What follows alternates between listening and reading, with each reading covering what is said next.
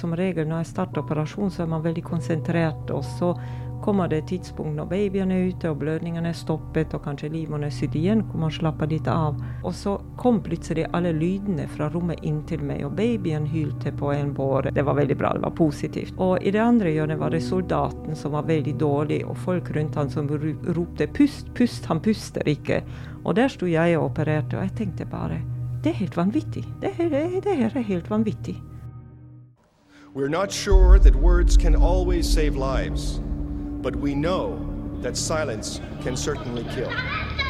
Please stay calm. It's very important to stay calm. Det er derfor vi andre må rope så jævlig høyt. Leger uten grenser. Det du ikke vet. Ja, velkommen til eh, andre episode av Det du ikke vet, som er en podkast om glemte humanitære kriser. Vi varsler om kriser som få snakker om, fordi vi mener at færre dør når flere vet. Jeg heter Benikte og jobber med kommunikasjon i Leger uten grenser. Og i dag så skal vi snakke med en gynekolog som nettopp har kommet tilbake fra Jemen. Forrige gang så snakket vi riktignok om en eh, krig som ikke er glemt. Det var Ukraina. Men i dag skal vi inn i en av verdens virkelig glemte kriser, nemlig krigen i Jemen. Mer spesifikt så skal vi høre om eh, fødende kvinner. For hvordan er det egentlig å være høygravid samtidig som det pågår en krig på åttende året, og du bor langt unna nærmeste sykehus? Dette er en realitet for mange kvinner i Jemen, og gynekolog Anka har behandlet flere av dem denne vinteren og våren. Mens vi spiller inn det her, så er det en eh, våpenhvile i landet. Men mens Anka jobbet på sykehuset i Abs, nordvest i landet, så eskalerte krigen, og bombenedslagene de kom nærmere og nærmere sykehuset. Men nå er Anka tilbake, og vi er så heldige at hun er med oss her i studio. Så velkommen hit, Anka. Tusen hjertelig takk. Nå har du jo kanskje rukket å lande litt fordi du har vært hjemme noen uker. Men hvordan er det å være tilbake? Det, det er godt å være tilbake. Men uh, det har vært tungt denne gangen å komme tilbake. Det har, uh, hjemmen har vært et veldig tøft oppdrag. Krevende på mange plan og på mange måter. Og det har vært veldig tungt å forlate der også. Å gå bort fra de menneskene som virkelig, virkelig trenger hjelp sårt. Så det har, vært, uh, det har tatt litt tid å lande her og komme tilbake til en helt annen verden og et helt annet liv. Hvordan er det å eh, komme tilbake og se at eh, her så snakker jo ikke folk eh, så mye om det som skjer. Eh, hvordan føles det? Du nevnte Ukraina. Eh, når jeg kom tilbake fra Jemen, så var det full, full av uh, alle de inntrykkene, den lidelsen jeg har sett, den fortvilelsen hos menneskene. Og så kommer du til Norge, og så er Ukraina i alles munn og i alle medier og overalt. Og det kjentes rett og slett vondt. Vondt for disse menneskene. Også fordi at jeg, eh, jeg hadde opplevd um, en periode Du sa at krigen eskalerte. Så når krigen eskalerte første gang, så ble landets uh, kommunikasjonssentral rammet, og vi ble uten internett. Eh, og det var veldig tungt for meg. Jeg ble veldig bekymret hjemme for ungene mine og mannen min om hva de skulle tenke om at de skulle bekymre seg. Og når jeg endelig klarte å få kontakt og sendte meldinger til dem, så var de helt overrasket, for de hadde aldri hørt noe om at det var noen problemer i Jemen. Så det var um, tøft og føltes veldig urettferdig. Mm. Og også det som skal være tema for denne episoden her, som sagt, er jo fødende kvinner. De hører vi i hvert fall kanskje ikke så veldig mye om. Eh, hvis vi først hører om Jemen, så hører vi vel ikke om dem. Nei, og det er veldig spesielt, fordi at uh, vi har veldig trygg fødselsomsorg her i Norge. Uh, men det er ikke slik mange plasser i verden, for så vidt ikke bare i Jemen. Uh, og jeg vil påstå at det å føde barn er noe av det viktigste menneskeheten kan gjøre. For det er det som sikrer at vi kan leve videre. Og det dør årlig så mange mennesker i fødsel, og de blir så syke og har så alvorlige komplikasjoner. Og det virker som om verden bare ikke bryr seg om dem. Og i hvert fall ikke når de er i sånne land som Jemen, hvor en krig har pågått i mange år. Da har litt sånn interessen for nyheten dabbet av. Da er det ikke spennende lenger. Så da er det ingen som snakker om det. Man tenker kanskje at ja, fordi å føde er jo eh, naturligste ting på jord, men, eh, og det er som regel trygt, men det kan jo også være nettopp livsfarlig, som vi skal snakke litt eh, mer om snart.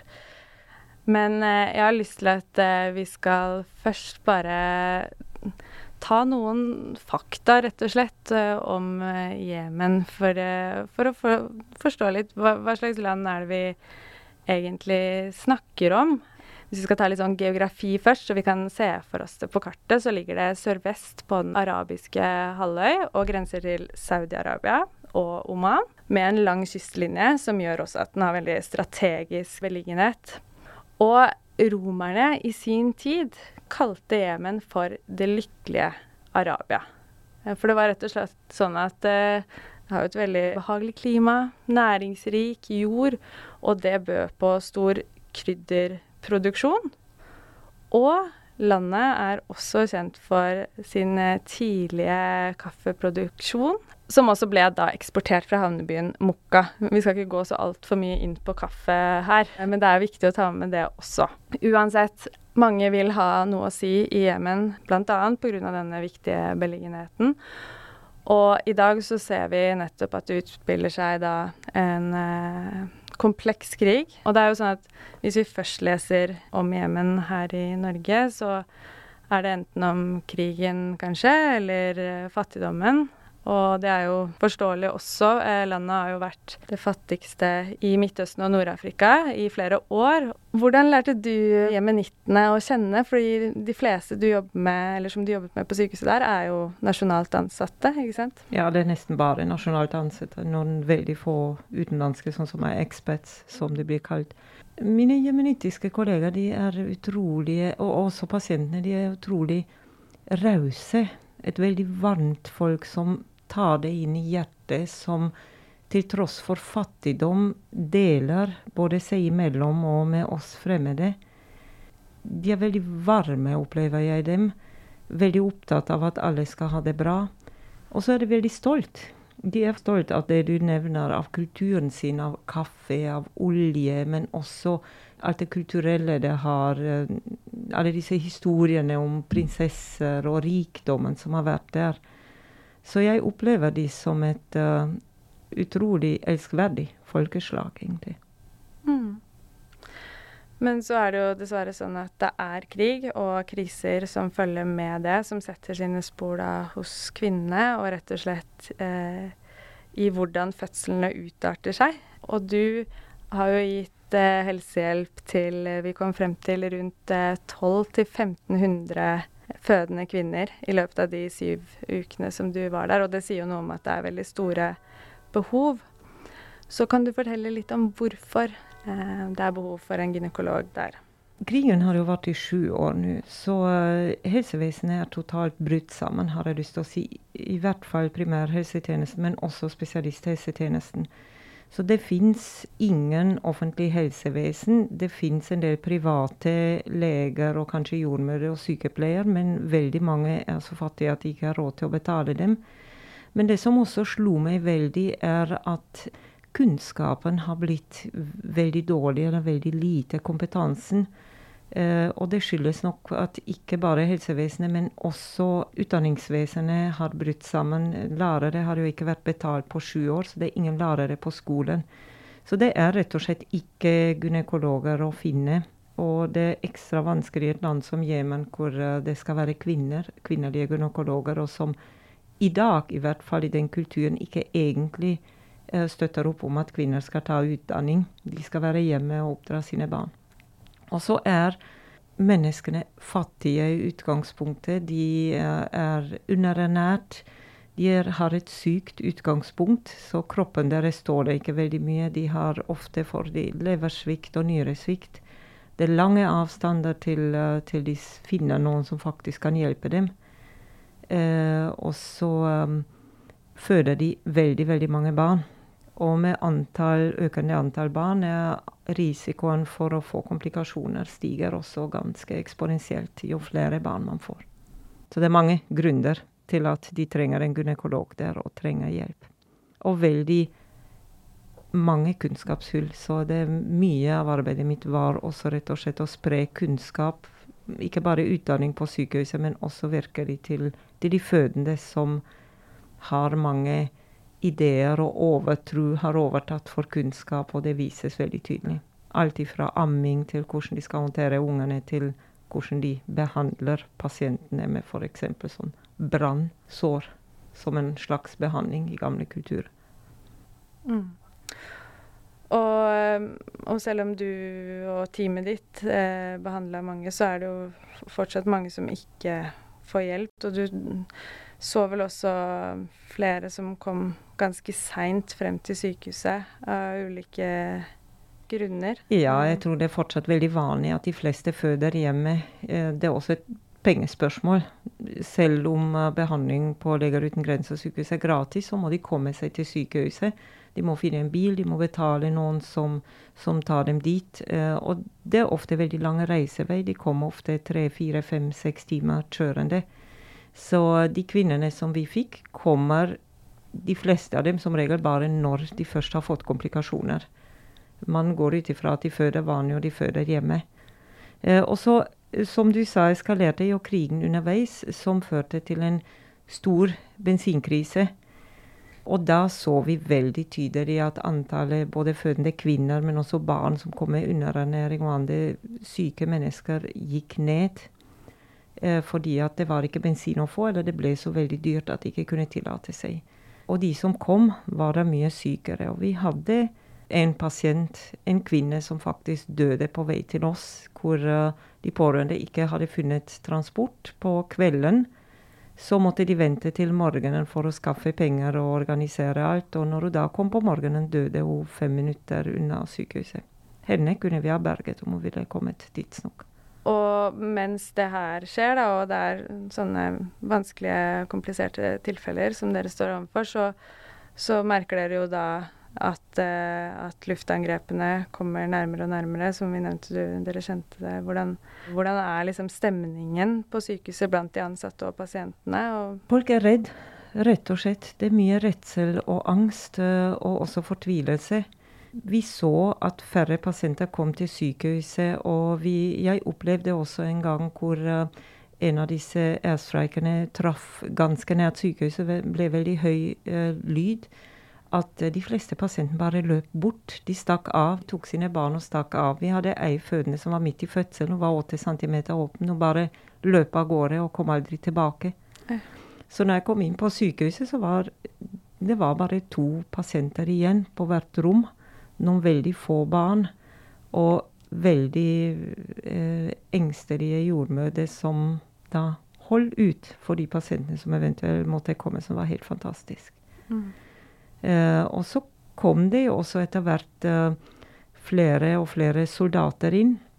Vi hadde tre ganger sånn eh, eller vil man kanskje kalle det, her i Norge, hvor vi fikk på et døgn inn 150 sårete soldater.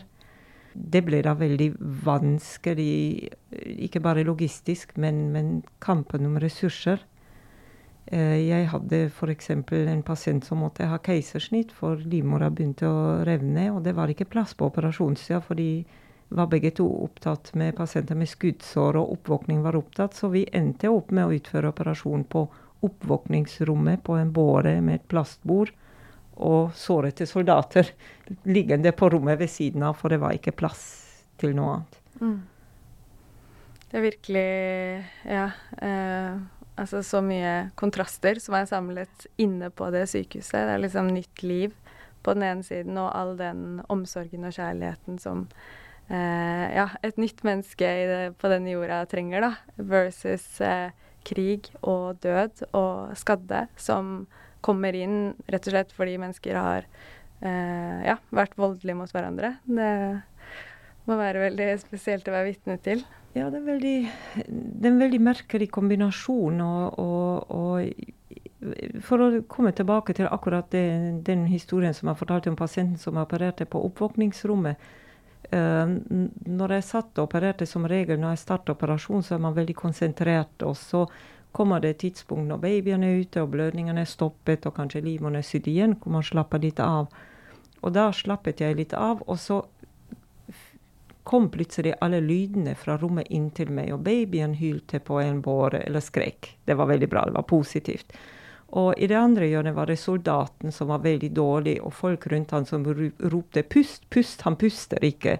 Og der sto jeg og opererte, og jeg tenkte bare det er helt vanvittig. Det, det, det her er helt vanvittig. Ja, så bare snur jeg meg tilbake og fortsetter å operere, fordi hva gjør du da? Men det, det, er nesten sånn at man må oppleve Man kan nesten ikke ta det til seg, all, den der blandingen av følelser og det som skjer der. Mm. Og, og, det treffer nok de folkene som jobber der også. De, mine kolleger, alle, om det var fra vektere til de som kjørte bilen, til operasjonspersonell, var alltid positive og smilende og oppmuntrende. Men en av disse dagene når soldatene kom, spurte jeg eh, en operasjonssykepleier hvordan har du det? Og jeg mener alvorlig, hvordan har du det? Og så sa han You know, Dr. Anka, outside we are smiling, but inside we are bleeding together with our sisters and brothers. Og den sitter. Det skjønner jeg veldig godt. Og det var jo så mange av de vanskelige tilfellene også som kom inn, ikke sant. Eh, du snakker jo om at du ja, behandla 20-30 pasienter daglig, og ikke alle var like alvorlige, selvfølgelig. Men kan du ta oss tilbake til eh, en av de pasientene du tok imot som du virkelig ikke vil glemme, da? Ja, det, det er så mange jeg ikke vil glemme, fordi at jeg tror nesten ikke jeg hadde noen pasienter som ikke var kompliserte. De, de kom sent inn, og de var veldig syke. Men jeg husker spesielt ei, ei ung jente. Hun var kanskje 16 år. Uh, hun fikk sitt første barn, og hun hadde ligget i fødsel lenge. Veldig lenge. Så når hun kom, de hadde tilkalt jordmora hjemme til seg, og så hadde jordmora gitt enda mer riestimulerende, fordi babyen ville ikke komme ut, og hadde gjort skaden virkelig betydelig verre. Så når hun kom til oss, hadde hun vært åpen, fullåpen mormunn i mange, mange timer. Hun var utslitt, babyen var utslitt, livmora var utslitt. Vi forløste henne med keisersnitt, eh, og det gikk for så vidt bra. Det var veldig tungt å hente ut babyen. Men hun var Hennes tilstand var ikke bra. Hun fortsatte å blø litt her og der. Og så på et eller annet tidspunkt ble jo helt ustabilt, så vi måtte åpne opp magen igjen og se hva som skjedde. Og vi fant buken full, full av blod. Og det som viste seg da, var at livmora ikke klarte å trekke seg sammen. Den var rett og slett død. Den hadde jobbet så mye at det ikke var noe mer krefter å få. Og når man har født, så er, har man et stort sår i livmoren der morkaka har vært. Eh, blodkaret står helt åpen, og ved, ved at livmora trekker seg sammen, så får man stoppet en blødning, sånn som man presser på et uh, sår når man har kuttet seg. Så vi prøvde virkelig alt vi ga henne. Alle medisiner og alt vi hadde av muligheter, og masserte livmora, men det var ingen, ingenting å få. Og så er det jo da alternativet egentlig å fjerne livmoren, men det kunne jeg ikke gjøre på en 16 år gammel jente. Det ville ødelagt livet hennes. Verdien hennes er mye basert på det hun kan gi av barn til samfunnet. Så jeg visste om en uh, sutur som man, kan, som man kan legge da. Som, hvor man på en måte pakker livmora utenifra og setter sele på den og pakker den sammen og håper at den holder på plass. Jeg hadde aldri satt den suturen før. Eh, jeg var sammen med en kirurg da, så jeg spurte kirurgen eh, om han hadde gjort det. Og han løftet blikket, så meg inn i øynene og sa 'We manage, doktor Anka'. og det var veldig søt. Jeg skjønte umiddelbart han ante egentlig ikke hva jeg snakket om. Men det var sånn de var. De var alltid 'dette klarer vi'. Og det, det gjorde de. De improviserte. Så, men jeg hadde jo sett eh, Jeg hadde jo assistert når en overlege en gang hadde satt den strukturen 20 år siden. Og så hadde jeg forberedt meg veldig godt uh, og sett på mange YouTube-filmer med situasjoner som vi aldri opplever her i Norge, som jeg for så vidt opplevde alle i Jemen. Uh, så vi satt den turen, og det gikk bra, og hun stoppet og blø, og vi var veldig, veldig fornøyde. Men når vi da akkurat skulle slappe av, pasienten var kjørt på oppvåkningsrommet, jeg skulle gå og legge meg, vi hadde jobbet hele natta med henne, så begynte hun å blø igjen fra hyllene der vi hadde satt drenasjen. Og da ble det veldig fort klart for meg at nå har hun fått en veldig alvorlig komplikasjon. Eh, og det er en komplikasjon som vi alle frykter når man blør for mye, at kroppen bruker opp alt man har av koagulasjonsfaktorer, som er stoffer som gjør, blodet, gjør at blodet leverer, noe som skjer i kroppen hele tiden. Og hvis de mangler, så begynner man rett og slett å blø overalt hvor det er en liten åpning. Nese, blod, der vi hadde sett drenasjen overalt. Og de menneskene bare blør i hjel hvis du ikke behandler dem.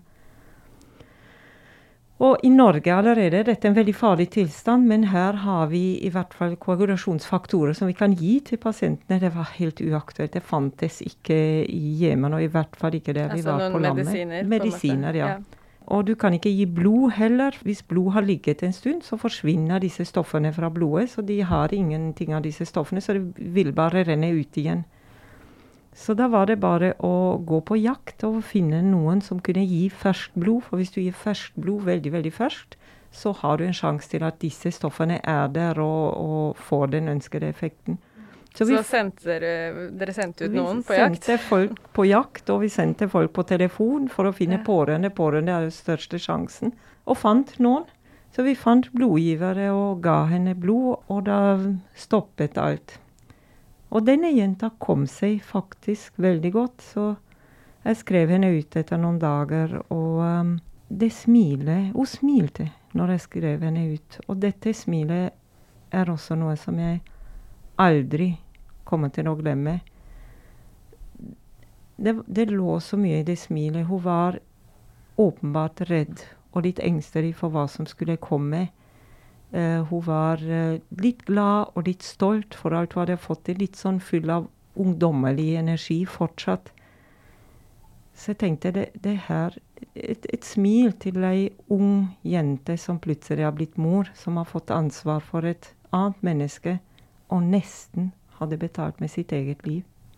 Ja, det må være en fantastisk følelse å kjenne på at det gikk bra. Spesielt når dere sto, eh, når dere sto midt i det og visste ikke helt, eh, eh, men måtte gi noen oppmuntrende ord i form av Will Manage, eh, doktor Anka.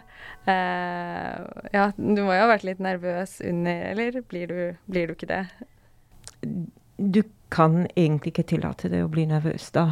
Ikke i situasjonen. Jeg blir nervøs før når jeg drar til sykehuset og de ringer meg og jeg vet at det er akutt, jeg blir veldig nervøs etterpå. Et sånn lite sammenbrudd. Men under så er det ikke tid til det.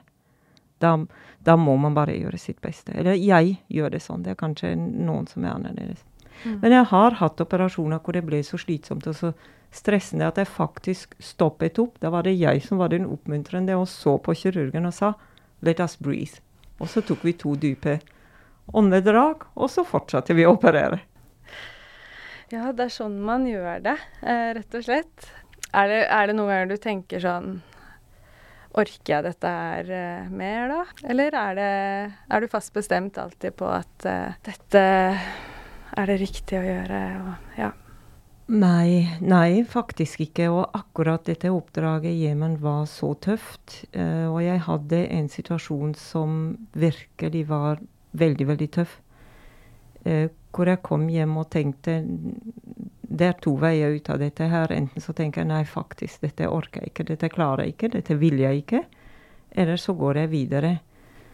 Men øh, jeg sov over det i natt, og så um, tenkte jeg så, så, ble det motsatt. Det ble jeg skal i hvert fall gjøre det. Og jeg skal ikke slutte å gjøre dette her. For den jobben det, det føles så meningsfullt. Det er så takknemlig å gjøre dette her. Eh, og man føler virkelig at man redder liv og hjelper til.